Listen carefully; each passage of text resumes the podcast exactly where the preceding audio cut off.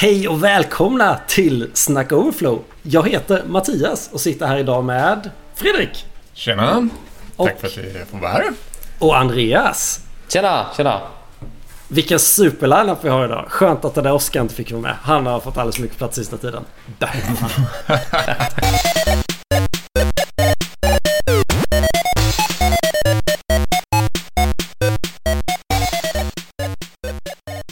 Men killar, jag har något sjukt allvarligt och, och sjukt snott från LinkedIn-inspirerat eh, topic på gång här. Och Shoot. egentligen så, så skälet att vi pratar om det idag då, det är väl att eh, ett storbolag, behöver inte säga vilket, eh, ville börja tvinga tillbaka sina tjänstemän till kontoret på allvar nu och det blev ett stort ramaskri och ingen ville tillbaka till kontoret och, och ditten datten. Jag tror de har fått backa nu. Så jag tänkte börja med den öppna frågan till, till oss alla tre. Eh, I, I din drömvärld, hur, hur många dagar i veckan är du på kontoret? Fredrik?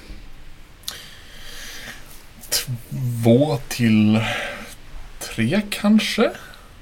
Men det, måste, det, det viktiga är inte exakt hur många dagar utan att det är fruktansvärt flexibelt. Alltså jag, jag kan hellre se att jag sitter på kontoret tre veckor i sträck och sen så ska det vara okej att jag är på distans i två veckor efteråt. Att det liksom inte är Mm. ett krav, Yes. utan att det är flexibelt. Andreas? Ja, jag tycker... Jag, jag har ju tröttnat lite på, på att sitta hemma. Så jag, jag, nu, ja, från och med egentligen efter sommaren så tycker jag att det var väldigt skönt att komma tillbaka. Så nu, nu är jag... Ja, men då skulle jag säga fyra dagar för att ge ett kort svar på, på utläggningen. Och Eh, jag, jag tycker Fredrik är inne på något spännande. Jag ställde ju frågan hur många dagar du vill vara på kontoret. Och jag skulle ju, och vi kommer ju komma till varför. Men mitt spontana svar är att jag tror jag vill vara på kontoret två dagar i veckan. Men jag vill inte vara tvingad att vara på kontoret mer än max, max en dag i veckan. Mm. Första spännande varv, snabb genomsnurrning. Precis som de här emojisarna man har kunnat trycka på LinkedIn om hur många dagar i veckan. Men jag vill, jag vill gå lite steget förbi det. Vad, vad tror ni det är för faktorer? Vad, Andreas, du är lite inne på du är trött på hemma. Vill, vill du Mm. utveckla det? Ja, absolut. Ja, men dels så, ja, jag är ju väldigt social typ, så jag, jag tycker att det är väldigt trevligt att, att träffas på kontoret.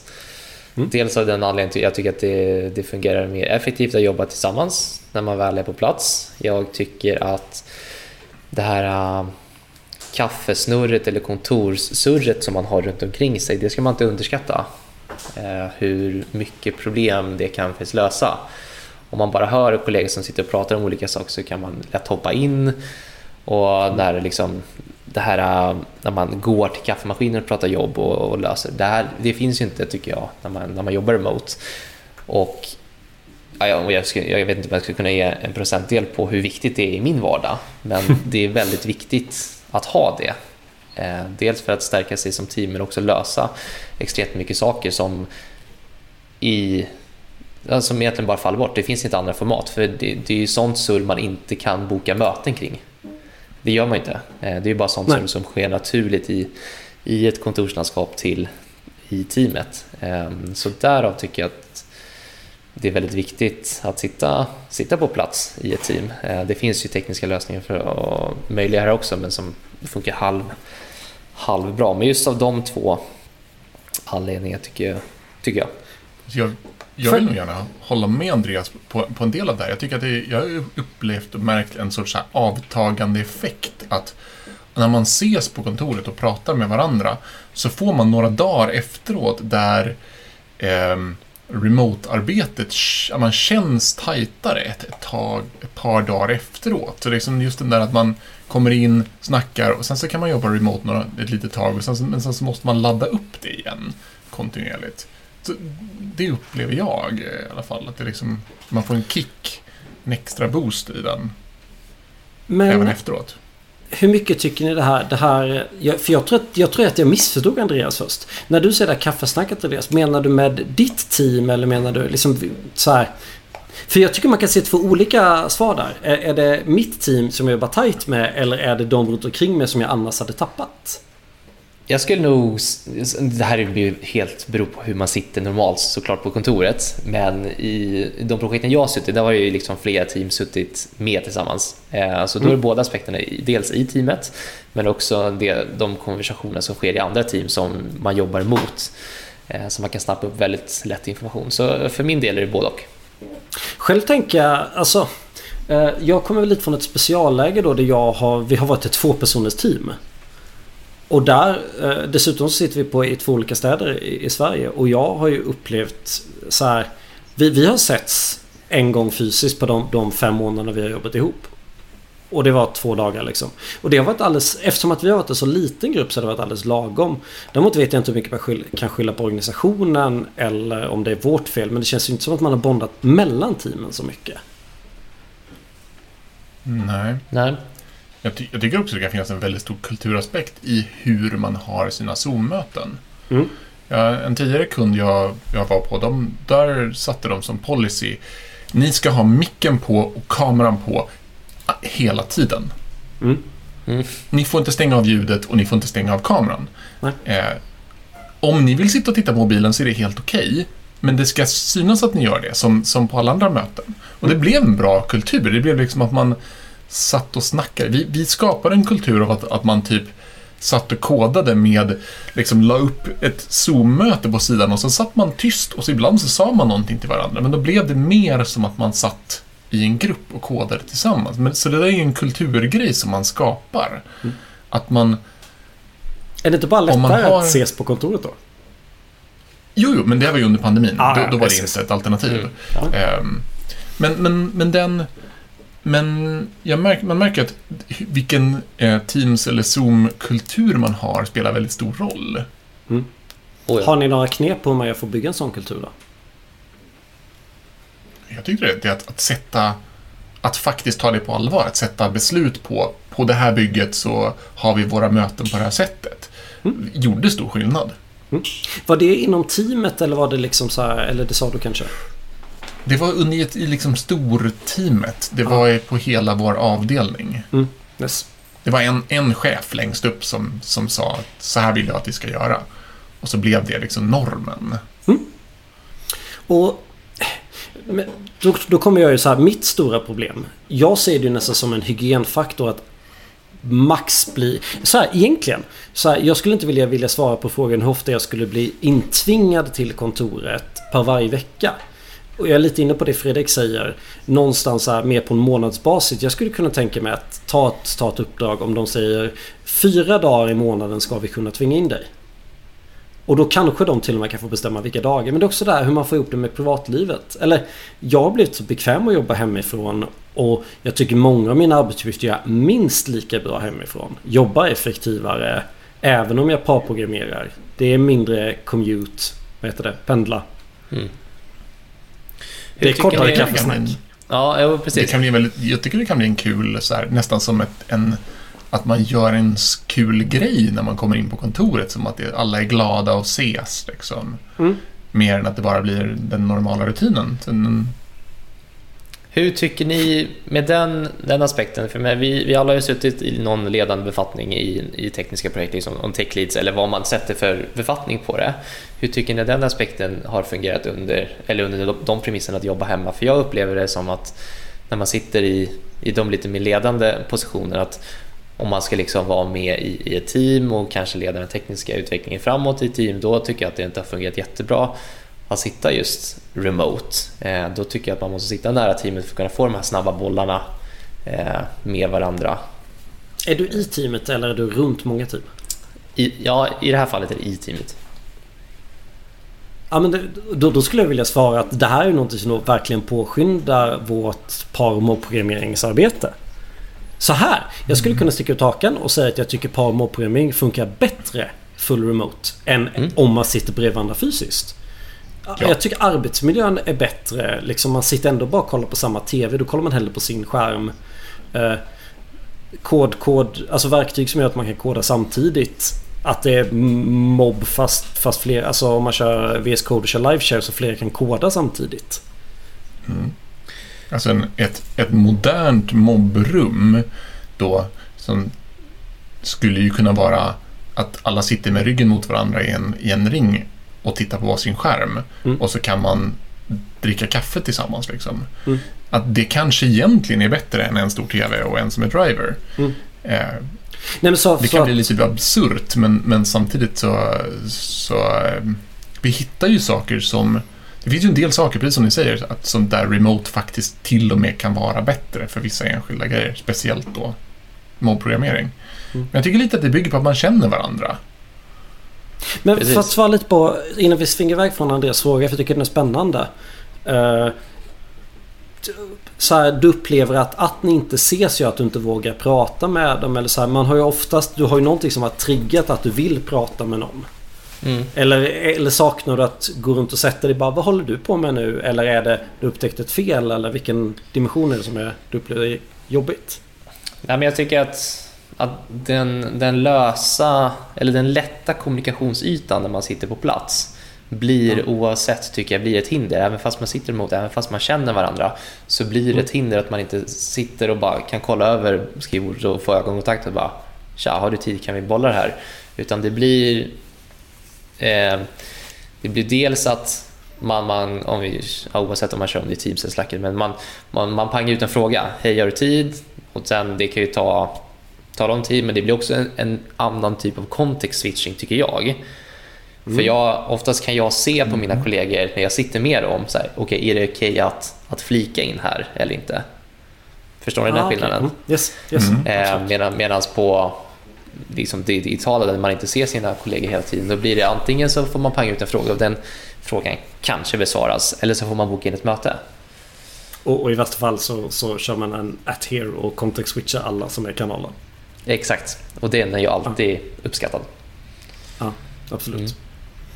Mm. Men alltså där, där tycker jag att, att ehm, det jag saknar är liksom en lite av en huddle-kultur av att man...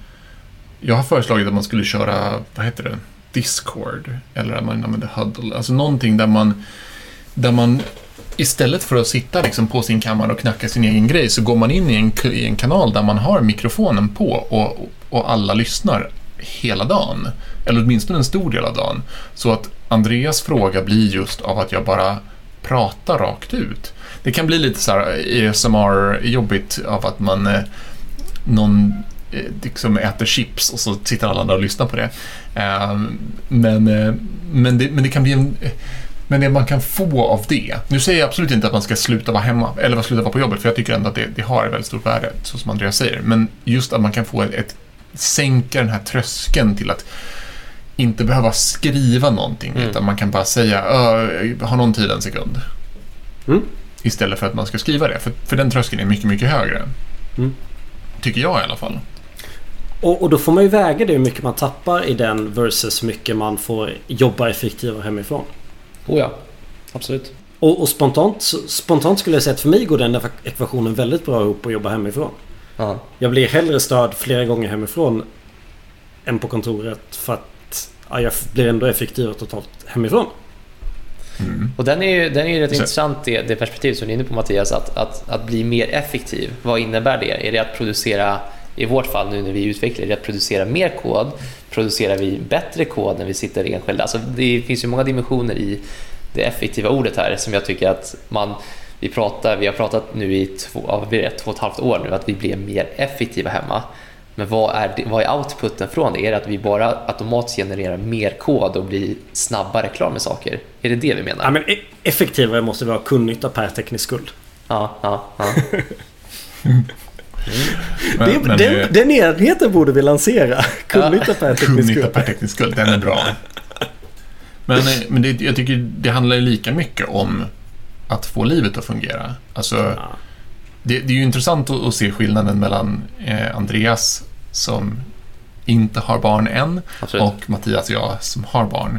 Eh, där liksom den här restiden och flexibiliteten blir, blir viktigare just därför att man, man har mer att, se efter. Man har fler saker som man måste göra.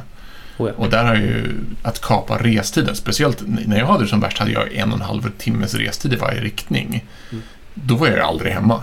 Nej. Jag var hemma och sov typ. Mm. Eh, nu är man ju hemma mycket. Mm.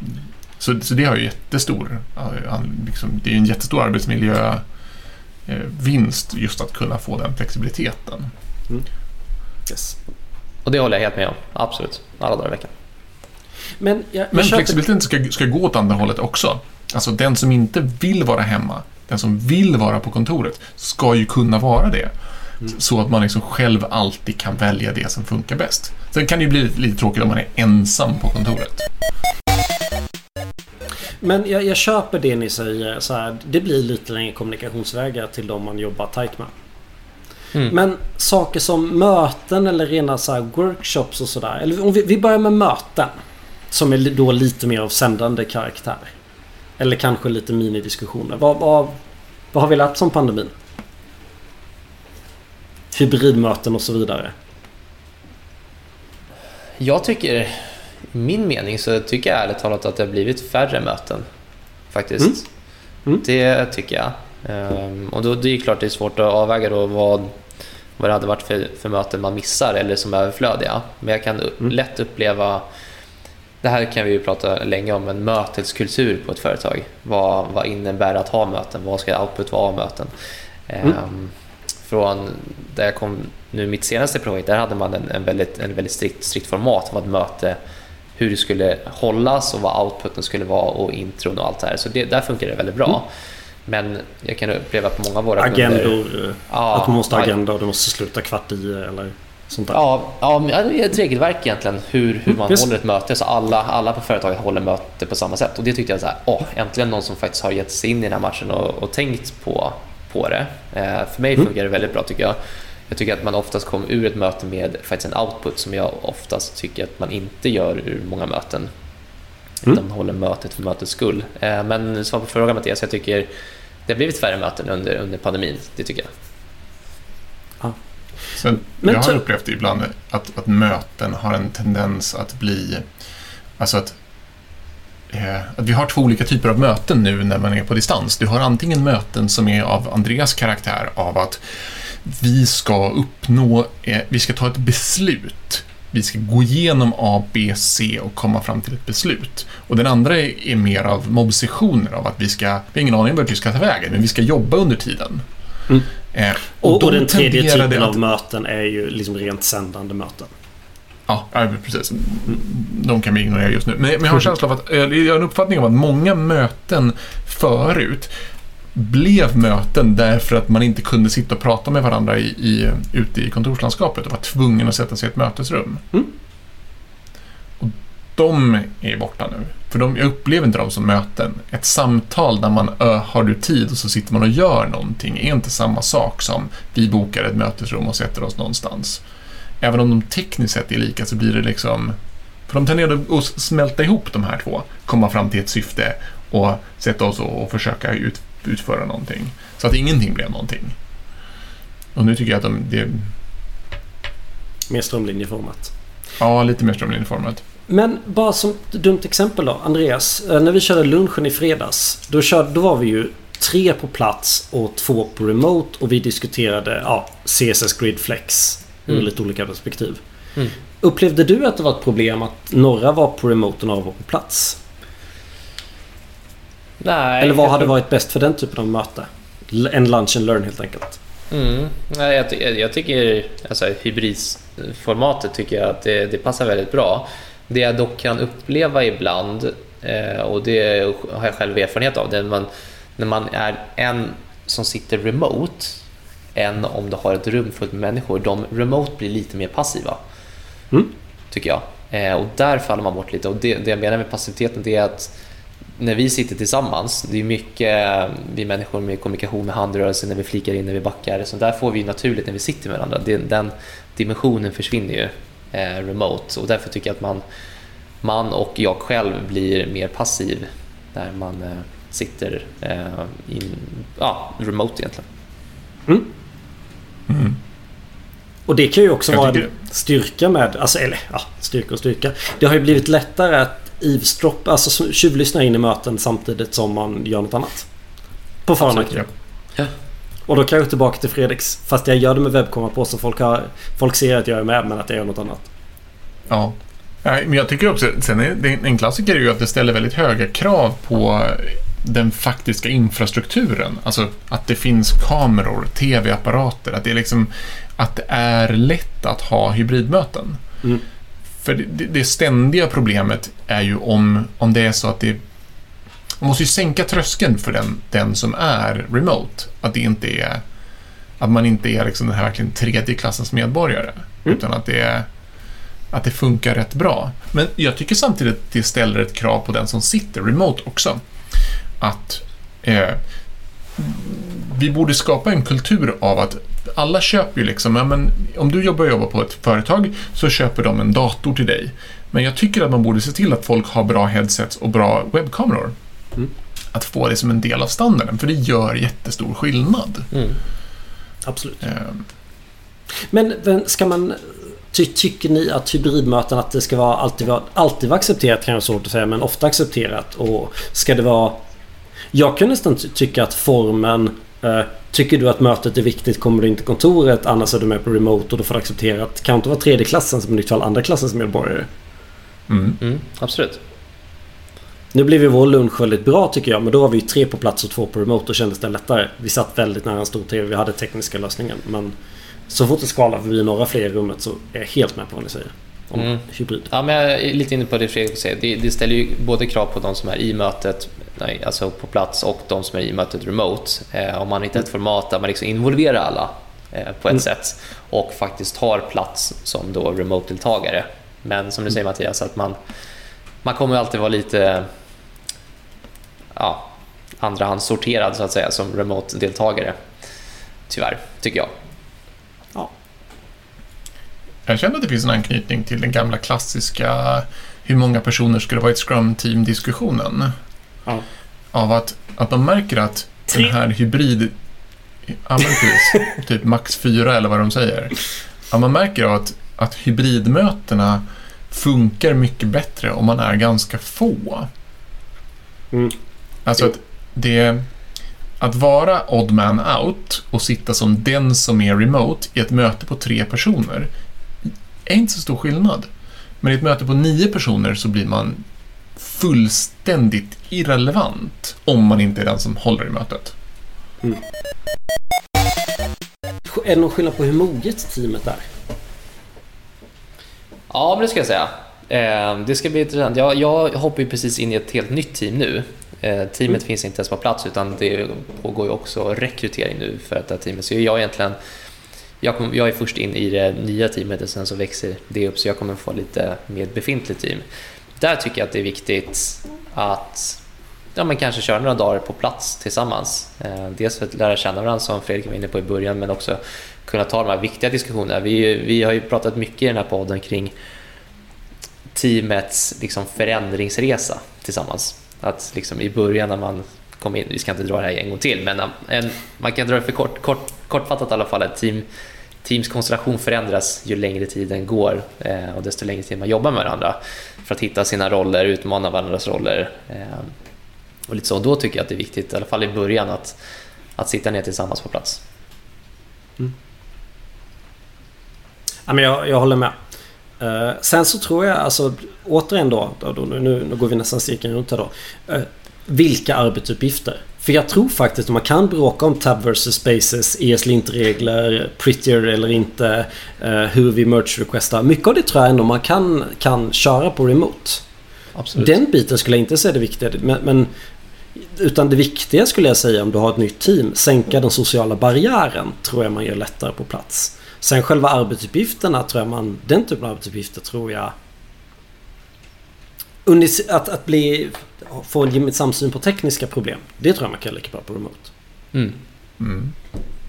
det köper jag. Men Absolut. alltså vissa, vissa typer av, av kodande, det känns som att vissa, vissa grejer är mer konceptuella. Prata om vad vi vill göra, hur ska man lösa problem, vad är verksamhetens problem?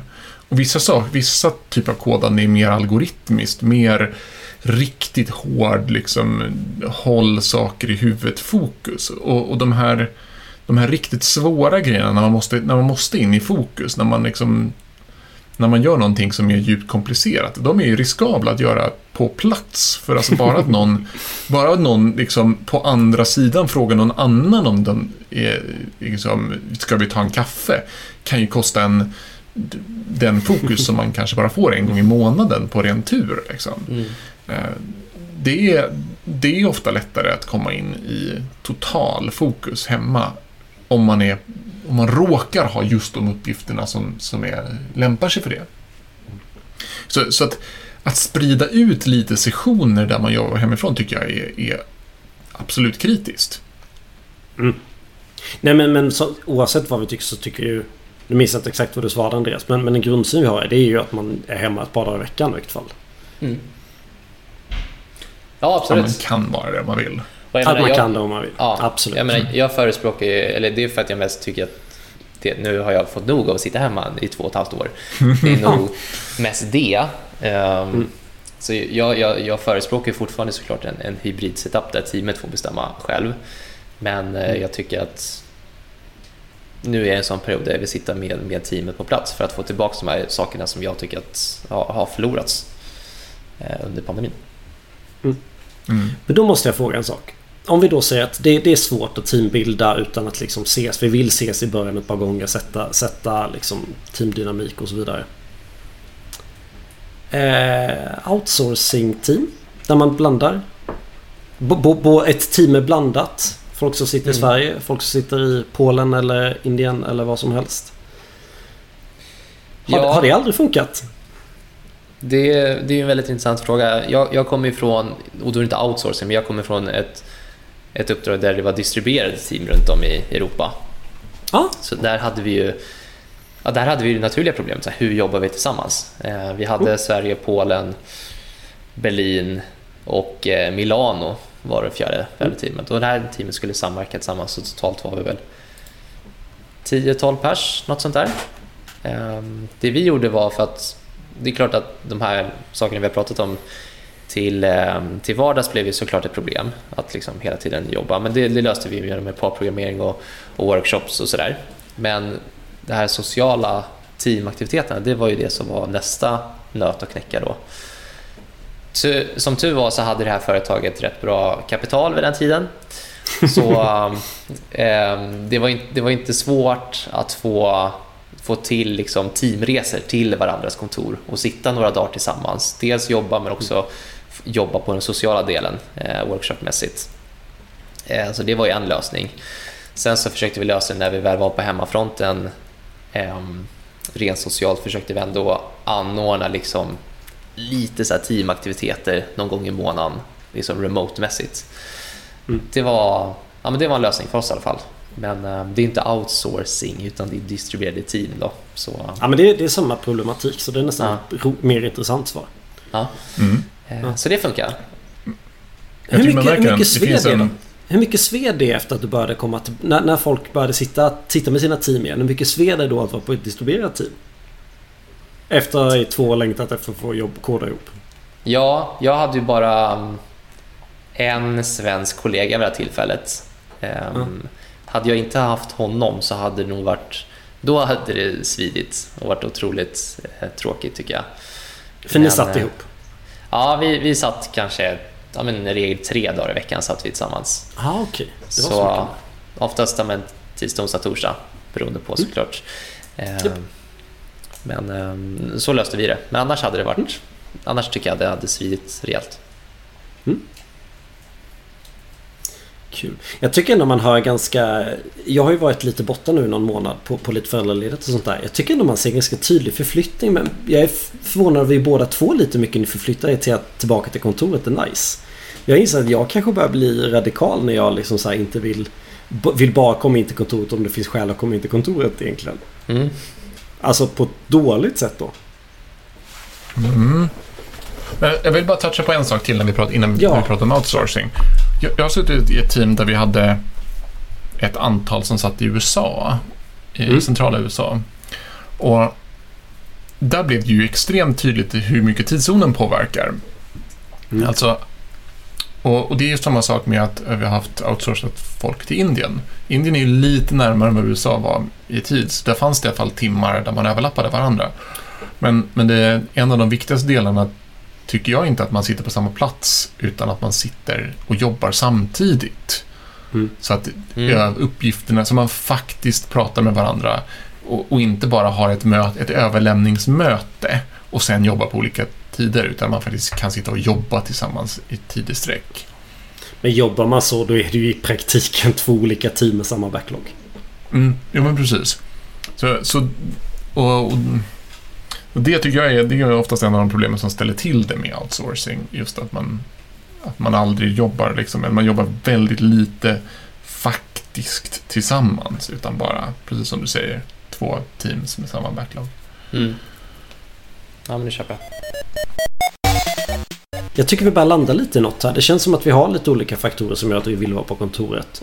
Och det känns som att mycket av det handlar nästan mer om det sociala än om mötena. Mm. Mm, det tycker jag. Absolut. Och det här med att Ja. spontant kunna, kunna störa varandra spontant. Men jag tycker att Andreas, det som Andreas sa, att på det här företaget så har vi möten på ett särskilt sätt när man är på plats, när man sätter sig i ett rum. Mm. Där tycker jag att det kan vara väldigt värdefullt att sätta en kultur på. Så här har vi möten online. Vad det än råkar vara. Men när man diskuterar ihop i teamet med så här gör vi. Mm. Och så försöker man se till att det blir någonting där, faktiskt, där man faktiskt är deltagande, man faktiskt ser varandra, man faktiskt jobbar tillsammans istället för bara Ja, delar en backlog. precis. Har, har ni någon erfarenhet att man, skulle, att man ska försöka skapa liksom gemensamma dagar teamet är inne eller ska lösa sig organiskt? Och så håller man tummarna eller? Behöver man ett commitment på det? På något sätt. Jag tycker att det kan vara bra, som du sa tidigare, med fyra dagar i månaden så måste man, kan de kräva att man ska vara på plats. Att man, att man bokar in om det är viktiga saker. Mm. Och, men det, det, även om du har ett team av fem personer så är det ganska sällan som du har en arbetsuppgift där alla behöver vara där samtidigt. Oftast är det viktigt att vissa nyckelpersoner för vissa uppgifter är där samtidigt. Mm. Sen skadar det inte om, om alla är där samtidigt. Det, det enda jag känner att jag verkligen inte håller med, eller håller med om, men så här, det, det jag tror blir svårt. Eh, det jag hellre, jag sitter ju hellre, träffar mitt team, sänker sociala tröskeln så man vågar skriva till varandra även om man är på remote. Mm. Jag ser hellre att jag har möjlighet att jobba mycket hemifrån. När jag har typ som passar till det. Eh, och acceptera att folk får, får ringa mig. Då kan vi komplettera det här möteskontraktet du pratade om Fredrik med att så här, man får, det får väl vara accepterat att sätta sig i Do Not Disturb på samma sätt då. Mm. Det, det, det, det kan ju uppstå en, en intressant eh, problematik av att, att man bestämmer sig för vi är här tisdagar och onsdagar. Mm. Då kan man hamna med ett, ett team som man egentligen har saker gemensamt med, men som har bestämt sig för vara där torsdagar och fredagar. Som man per definition aldrig träffar. För det är ju en annan faktor. A- Att de andra teamen. Nu har vi väldigt mycket Mm. pratat vårt team. Vad är det för skillnad då? Alltså vårt team versus samarbete med andra team. Det har man ju ingen aning om. Det, det det här Det som är det konstiga. Nej, precis. Alltså, det, det, är ju, det är ju spontana möten där man hittar saker som man inte har tänkt sig att man ska hitta. Eller Mm. höra. Eller Ja. kontakter som man kan bygga. Eller håller ni på med det här? Det gör vi också. Ja.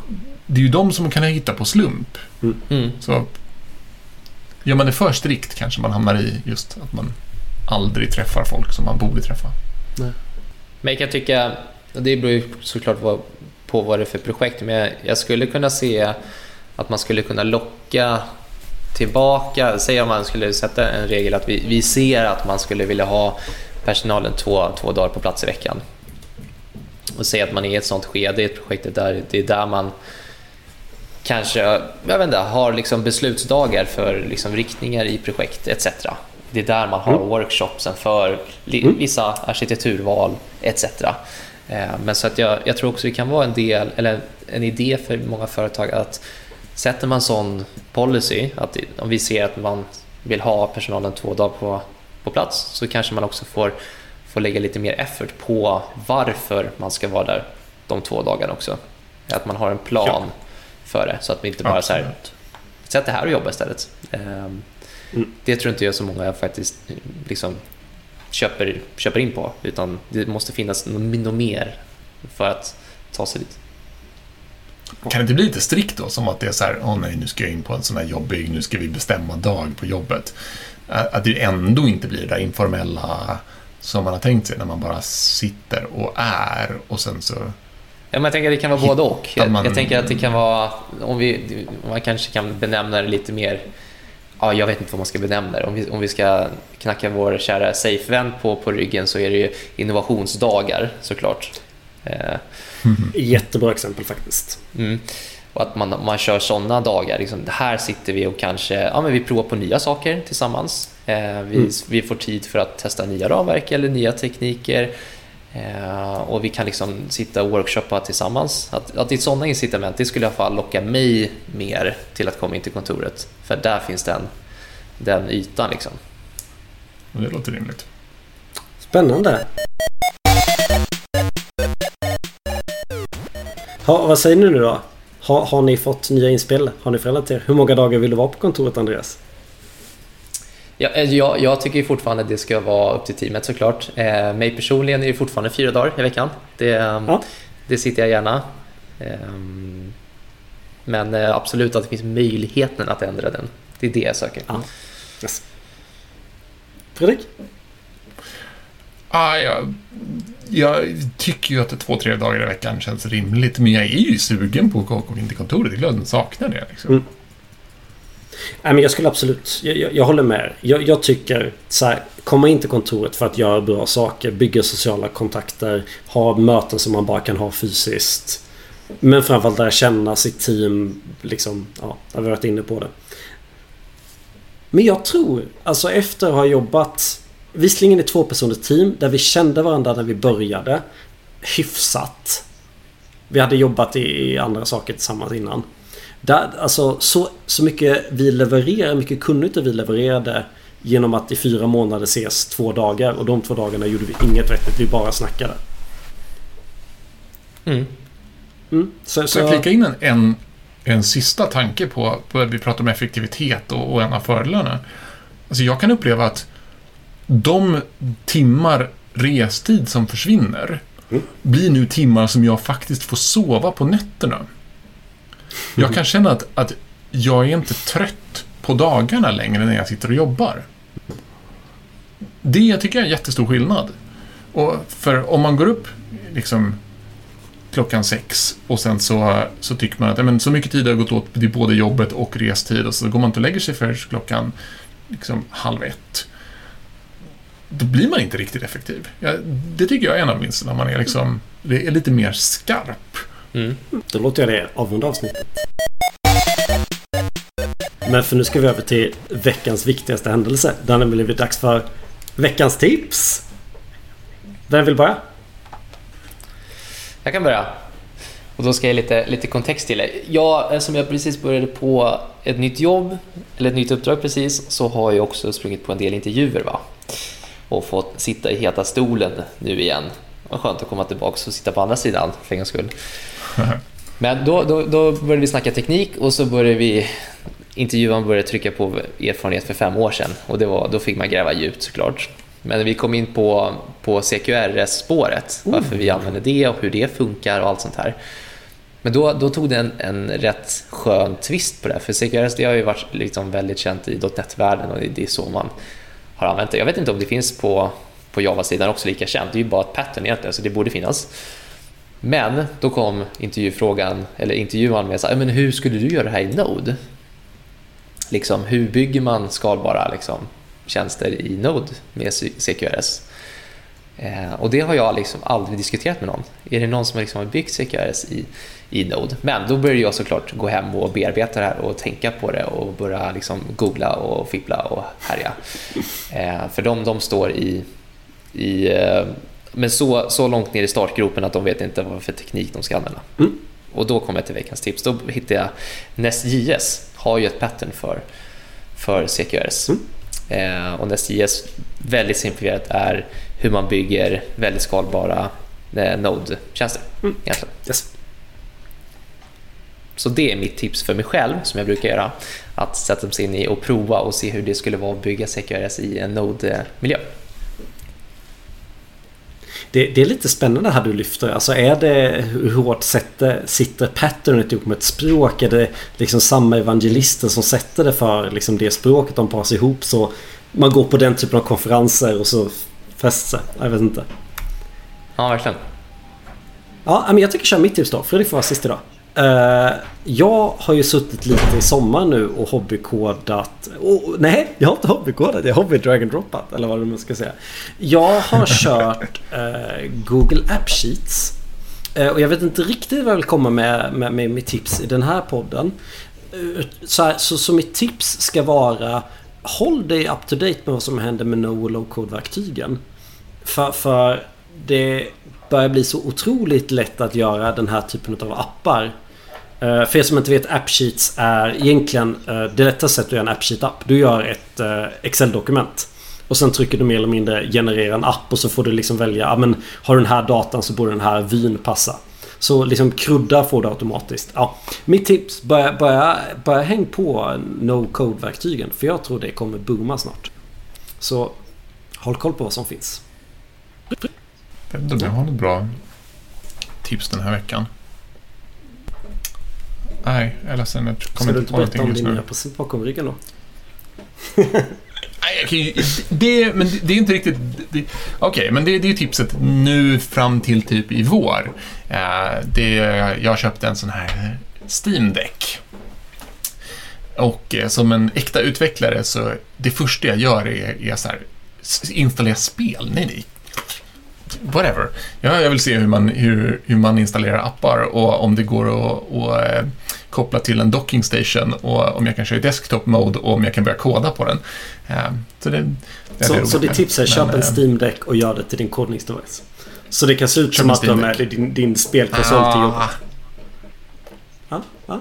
Jag köper ja, oh, sure. Man kan ha allting i en liten box. Nej, men, eh, men jag gillar den Gaming on Linux-vridningen. Det kan bli en framtidsgrej. Toppen! Då har vi det här avsnittet då. Kul att ni lyssnade allihopa. Så hörs vi nästa vecka. Ha det bra, hej! Hej! hej.